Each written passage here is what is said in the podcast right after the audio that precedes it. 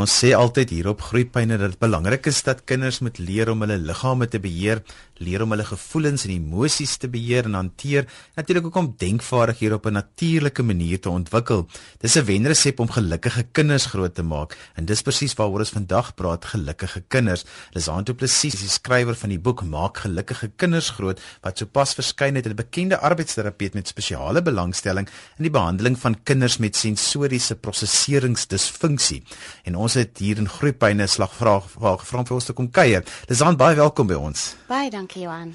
Nou elke ouer Lisaan wil graag 'n kalm en gebalanseerde kind hê, maar die realiteit is baie keer heeltemal anders. Ja, Johan. Ek dink um, my storie is dat toe ons um, 'n paar jaar gelede Londen toe gegaan het en Holland toe gegaan het en ek daar in die vreemde alleen met my twee kleintjies gesit het, ehm um, het ek gou-gou agtergekom dat op die ouende is dit maar waartoe ons terugkeer. Daai daai sê ding wat ons ma's altyd vir ons gesê het maar my kind jy weet moenie so jou kommer oor alles nie. Op ou wat ek net vir jou wil hê is om gelukkig te wees. Ehm um, maar ek dink geluk verskil van ons almal. Ehm um, wat vir my gelukkig maak maak nie noodwendig vir jou gelukkig nie. Ehm um, en wat jou gelukkig laat voel is nie noodwendig wat vir my gelukkig laat voel nie. So ehm um, ek dink dit is belangrik dat ons ons kinders moet verstaan en daarom um, 'n goeie verhouding met hulle het sodat ons weet hoe hulle gevorm is en wat vir hulle belangrik is en wat vir hulle gelukkig sal maak. Lizaan, kom ons begin gesels. Daar's nie net een manier om 'n gelukkige kind groot te maak nie. Ja, nee, verseker nie. Soos ek gesê het, elke kind het 'n unieke temperament. Ehm um, en vir elke ehm um, veral vir verskillende stadiums ook. Ek dink ehm um, as ons kyk na ons baba en ons kleuter en ons skoolgaande kind, is daar verskillende ontwikkelingsstadiums en verskillende ehm um, omgewings ehm um, wat vir hulle geluk sal bring. Ehm um, en weer eens ek dink as ons 'n uh, 'n begrip het van hoe kinders ontwikkel en watter tipe temperament hulle het, kan ons as ouers 'n groot bydrae maak om vir kinders gelukkiger te laat voel. Kom ons praat oor daai temperament want jy praat gereeld oor dat elke kind 'n eie sensoriese uh, temperament het. Wat bedoel jy daarmee? Ehm um, ek bedoel dat soos ons soos ons kyk na ons liggame Johan is ons geskep met verskillende sensoriese sintuie of sintuie soos ons dit noem. Um, en ons sal bietjie later meer daaroor gesels. Ehm um, maar ons moet bewus wees van wat in ons omgewing aangaan en wat in ons liggame aangaan. En al hierdie inligting word dan na die brein toe gestuur en elkeen van ons het 'n tipe van 'n termostaat in ons brein wat ehm um, hierdie inligting reguleer prosesseer um, en iets daarmee maak. Ehm um, party van ons se termostaat is is was of kom ons vergelyk dit eerder met ehm um, soos 'n petroltank um, van verskillende motors. Ons weet dat groot motors het groot petroltanke en klein motors het kleiner petroltanke. En so is dit ook in ons brein en elkeen van ons. Party van ons het 'n klein petroltank, met ander woorde, daar is net 'n bietjie inligting nodig vir daai tank om te registreer en om vol te wees. En daai tipe kinders vind dit gewoonlik oorweldig as hulle in 'n vreeslike besige omgewing is.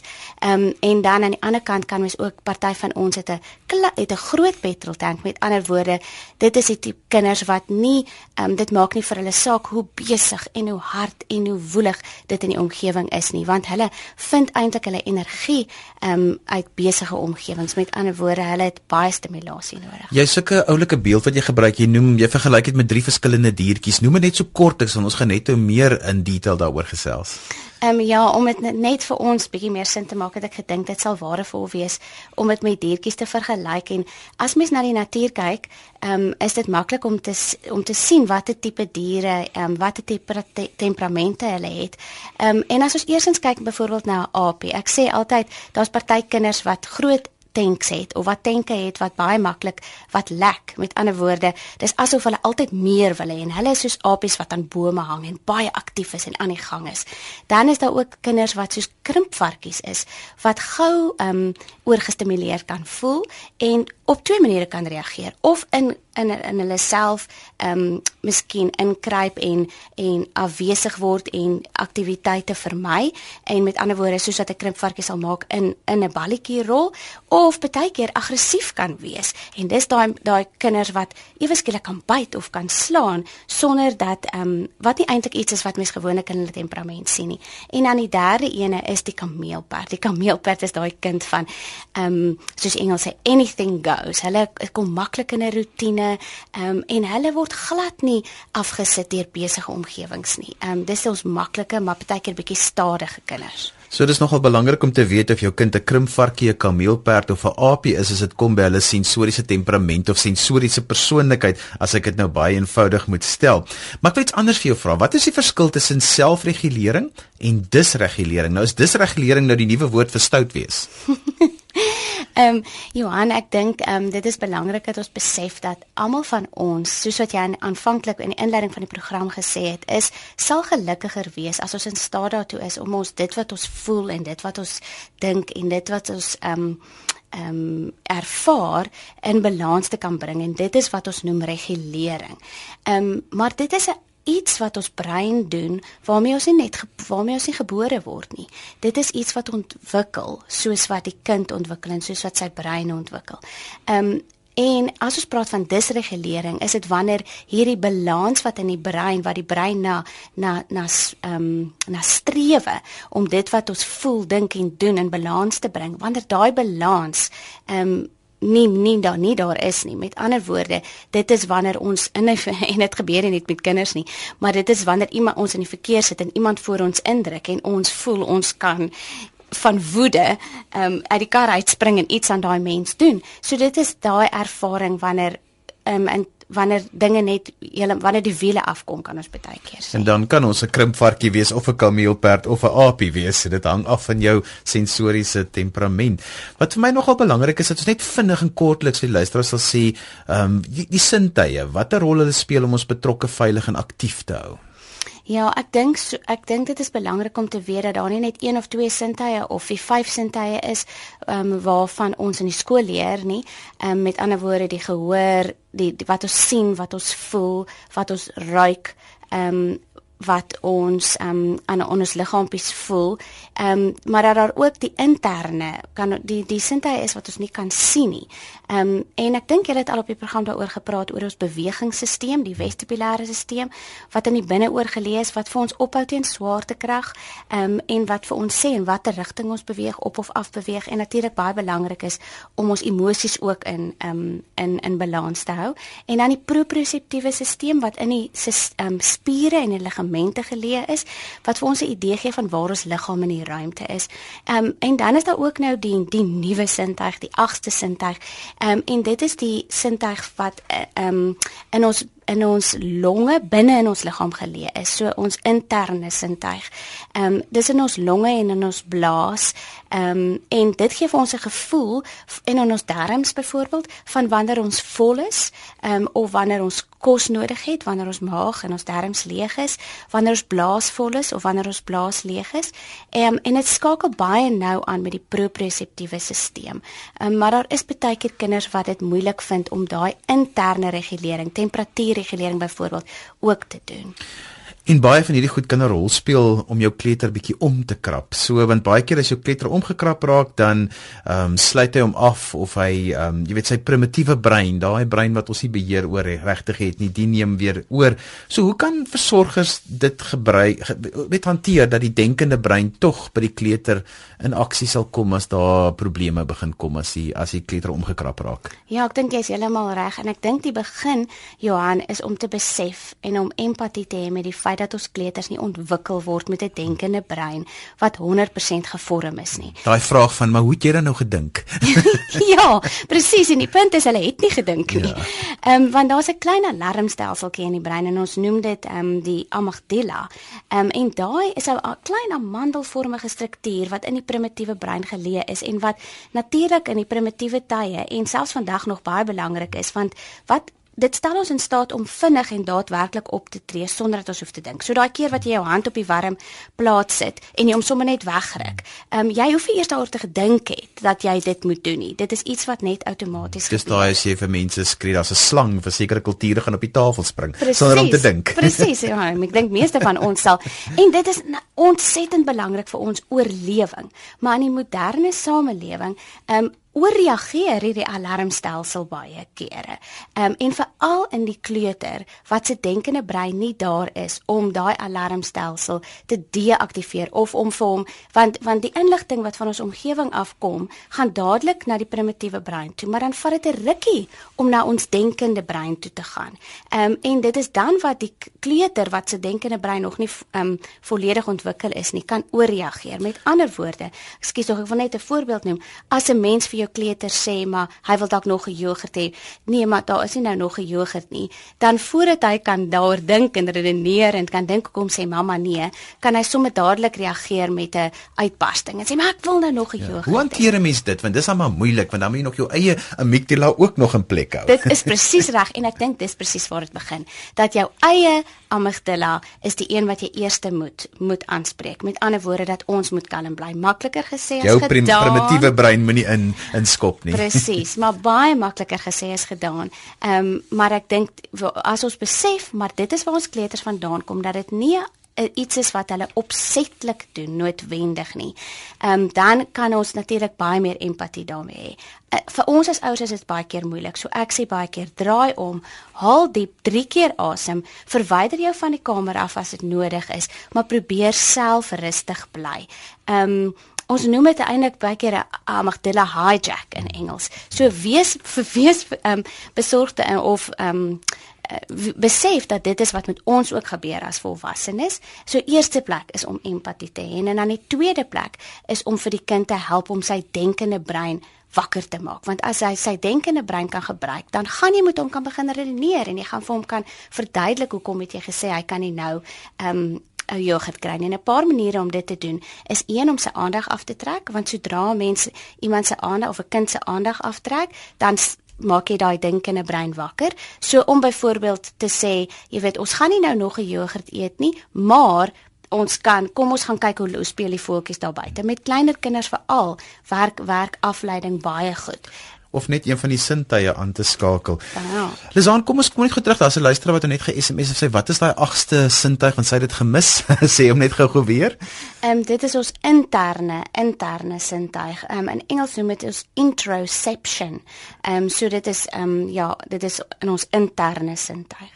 Hy uh, is net so 'n paar vrae voordat ons verder praat oor die temperamente. Is my dogtertjie is 22 maande en 'n baie liefdevolle kind. Tog wanneer sy kwaad of gefrustreerd raak, byt sy en self selfs haarself byt. Klink dit vir my? Watse raad het ons? O ja, dit is um, baie tipies van ons 2-jarige kinders want ehm um, natuurlik wat daar gebeur is dat hulle onthou wat ons denkbrein doen met um, in die algemeen is dit gee vir ons taal. Met ander woorde, dit help vir ons om dit wat ons voel in woorde te kan sit. En met 'n dogtertjie so klein het nog nie die taal om uit te druk hoe sy voel nie. Ehm um, die feit dat sy dan byt, ehm um, kan vir ons sê dat sy 'n baie orale kind is. Ehm um, en dalk dit is dalk een van haar primêre sintuie. So wat ek sal doen is om vir daai dogtertjie te help om haar emosie te identifiseer. So as sy byt kan ons vir haar sê en empatie en ons kan sien mamma kan sien jy is baie kwaad of mamma kan sien jy is baie gefrustreerd. Um, met ander woorde 'n naam te gee vir die emosie en dan voor te stel watter ander manier sy kan reageer. Met ander woorde om vir haar te sê mamma kan sien jy is baie gefrustreerd. Kom ons kyk of ek of mamma vir jou kan help of kom ons gaan stap buite want baie keer help dit om frustrasie te verlig. Dis goed om een stimulasie met 'n ander stimulasie te vervang wat gewoonlik dieselfde intensiteit het. Kom ons praat oor sensoriese temperamente want um, ek het net gesê voor ons gebreek het ek gesê maar ons moet uitvind of jy 'n krimpvarkie, 'n kameelperd of 'n aapie groot maak. Ehm um, hoe ken ek die verskillende sensoriese temperamente of persoonlikhede uit en hoe hanteer ek dit my kind en hoe voorsien ek in daardie behoeftes? Ehm um, wat ons gewoonlik sien by die AP Johan en dit is gewoonlik die kinders wat makliker is om te identifiseer. So ons begin by hulle. Ek hulle, was 'n AP geweest. Oh, ek kan dit sien want ek sien jy kriewel bietjie hier in jou stoel. So ons sal dalk vir jou 'n bal moet gee om ja. op te sit. Dit sal interessant wees om te sien wat dit doen. AP's is gewoonlik ons sosiale kinders, ons op en wakker kinders. Daai kinders wat in die oggend sommer uit die bed uit spring en hulle oogies is flikker, hulle oogies flikker en is wakker en hulle is reg vir die dag. Ehm um, hulle is baie aan die gang. Ehm um, En mens weet definitief sommer vinnig of jy uh, te doen het met 'n AP of nie. Ons krimpvarkies is is ons meer sensitiewe kinders. Hulle is fyn gevoelig. Hulle is kinders wat detail in die omgewing raak sien. My dogtertjie wat 'n krimpvarkie is, kan baie gou vir my sê wat haar juffrou aangehaat het vir die dag of hoe watter plakate daar op is teen die muur. Ehm um, baie keer as ek iets vermis in die huis, dan vra ek net vir haar, "Waar is dit?" en dan kan sy vir my sê, "Dit is in mamma se kas." Sy weet presies waar goed is. So hulle sien detail raak. Ek onthou as 'n kind baie keer het ek ook gesien dan ek saam met my boeties en dan kan ek nie glo ons was by dieselfde plek gewees met wat hulle gesien het en wat ek waargeneem het. Hoe interessant, hoe interessant. So baie keer is krimpvarkies sodat hulle detail in omgewing hmm. raak sien. Ehm um, en dan kameelperde is kinders wat rustiger is, meer bedaard is en natuurlik baie aanpasbaar is. Dit is die kinders wat dit baie maklik na ehm um, um, 'n huishulp by 'n huishulp bly as mamma moet gaan werk of na die kleuterskool toe gaan sonder om soos 'n krimpvarkie baie keer bietjie skeiingsangs te hê. So hoe hoe hoe, hoe verskil dit? Hoekom is dit dan so? Is dit hoe werk die sintuie dat ek dan of 'n krimpvarkie of 'n kameelperd of 'n aapie is? Hoekom? Ja. Dit is die goeie vraag. Ehm um, hoekom want ek dink dit is maar net hoe ons geskape is dat daar 'n verskillende soos ons nou nou gepraat het van die verskillende petrol tanks dat die brein net op 'n verskillende manier die inligting prosesseer. So ek as ouer kan dit nie verander nie. Dis iets wat ek moet waarneem in my kind en dan moet ek dit hanteer soos wat ek by kind met sy sensoriese inligting werk. Ek dink ons almal word gebore definitief Johan met 'n met 'n termostaat in ons brein wat hierdie wat hierdie inligting verskillend gaan prosesseer prosesseer. Maar kom ons onthou ook dat die omgewing 'n groot invloed het. Ehm um, as ons byvoorbeeld kyk na navorsing van kinders wat ehm um, in kinderhuise ehm um, in uh, jy weet in in Rusland byvoorbeeld ehm um, groot gemaak word wat nie tas kry nie, nie beweging kry nie, nie opgetel word nie, nie gekoester word nie. Hulle sal nie dalk hulle is dalk nie noodwendig ehm um, sensitief vir aanraking nie, maar as ons hulle later toets dan sien ons maar daai kinders hou nie van aanraking nie. Hulle sukkel om te beweeg. En as hulle nie daarvan hou nie, moet ek dit dan nie op hulle afforceer nie. Met ander woorde, 'n kind wat nie daarvan hou dat ek vir hom 'n drukkie moet gee, moet dit net nie kry dan nie of hoe werk dit? Ja, so kom ons kom nou weer terug na ons normale kind. Met ander woorde, nie die kind wat as gevolg van 'n omgewing 'n hmm. sekere soort temperament het nie.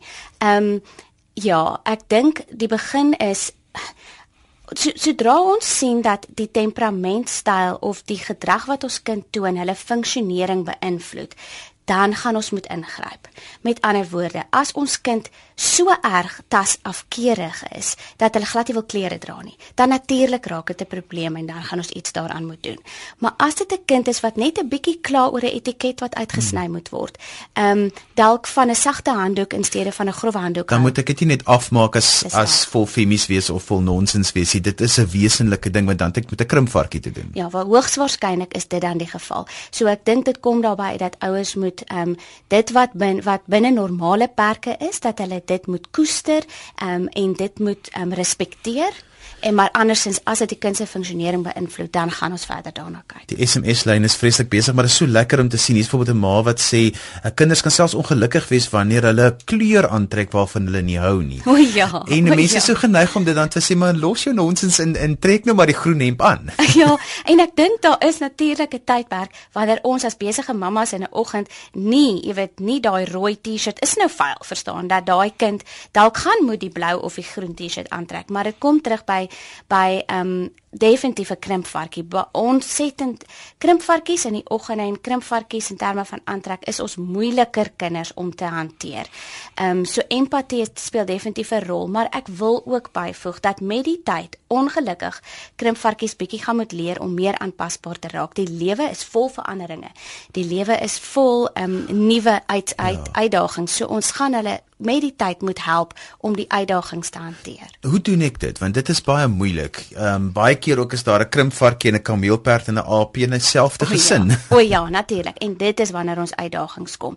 Ehm um, ek dink die hantering daar is om eerstens empatie te hê, om te weer eens te sê, "Mamma verstaan dat jy 'n rooi hemp wil aantrek, maar die rooi hemp is nou nie hier nie. So ons gaan vandag die groen hemp aantrek, môre kan ons weer die rooi hemp aantrek." So so mettertyd help ons ons kinders om te om te ehm um, um, met verandering te um, daarmee te te so, te hanteer. So wat jy sê is dat jy moet bewus wees dat sê maar verandering gaan vir die drie tipe kinders verskillend wees en hulle gaan dit verskillend ervaar en dit begin by jou as ouer om te sê maar ek is bewus daarvan. Presies. Dit die bewustheid is al amper halfpad die stryd gewonne. En ek dink um, om vir hulle ook 'n uh, eie bewustheid te gee van hulle self sodat hulle hulle boeties en sissies ook meer respekteer kan aanvaar. Ek kan onthou ons het um, met my kinders eendag in die in die motor gesit op pad na 'n verjaarsdagpartytjie toe en toe ons toe my krimpvarkie dogtertjie wil weet wie almal by die partytjie gaan wees, het ons um gou-gou deur die maatjies gepraat en hoe hulle um kon identifiseer watter van hulle maatjies is krimpvarkies, apies,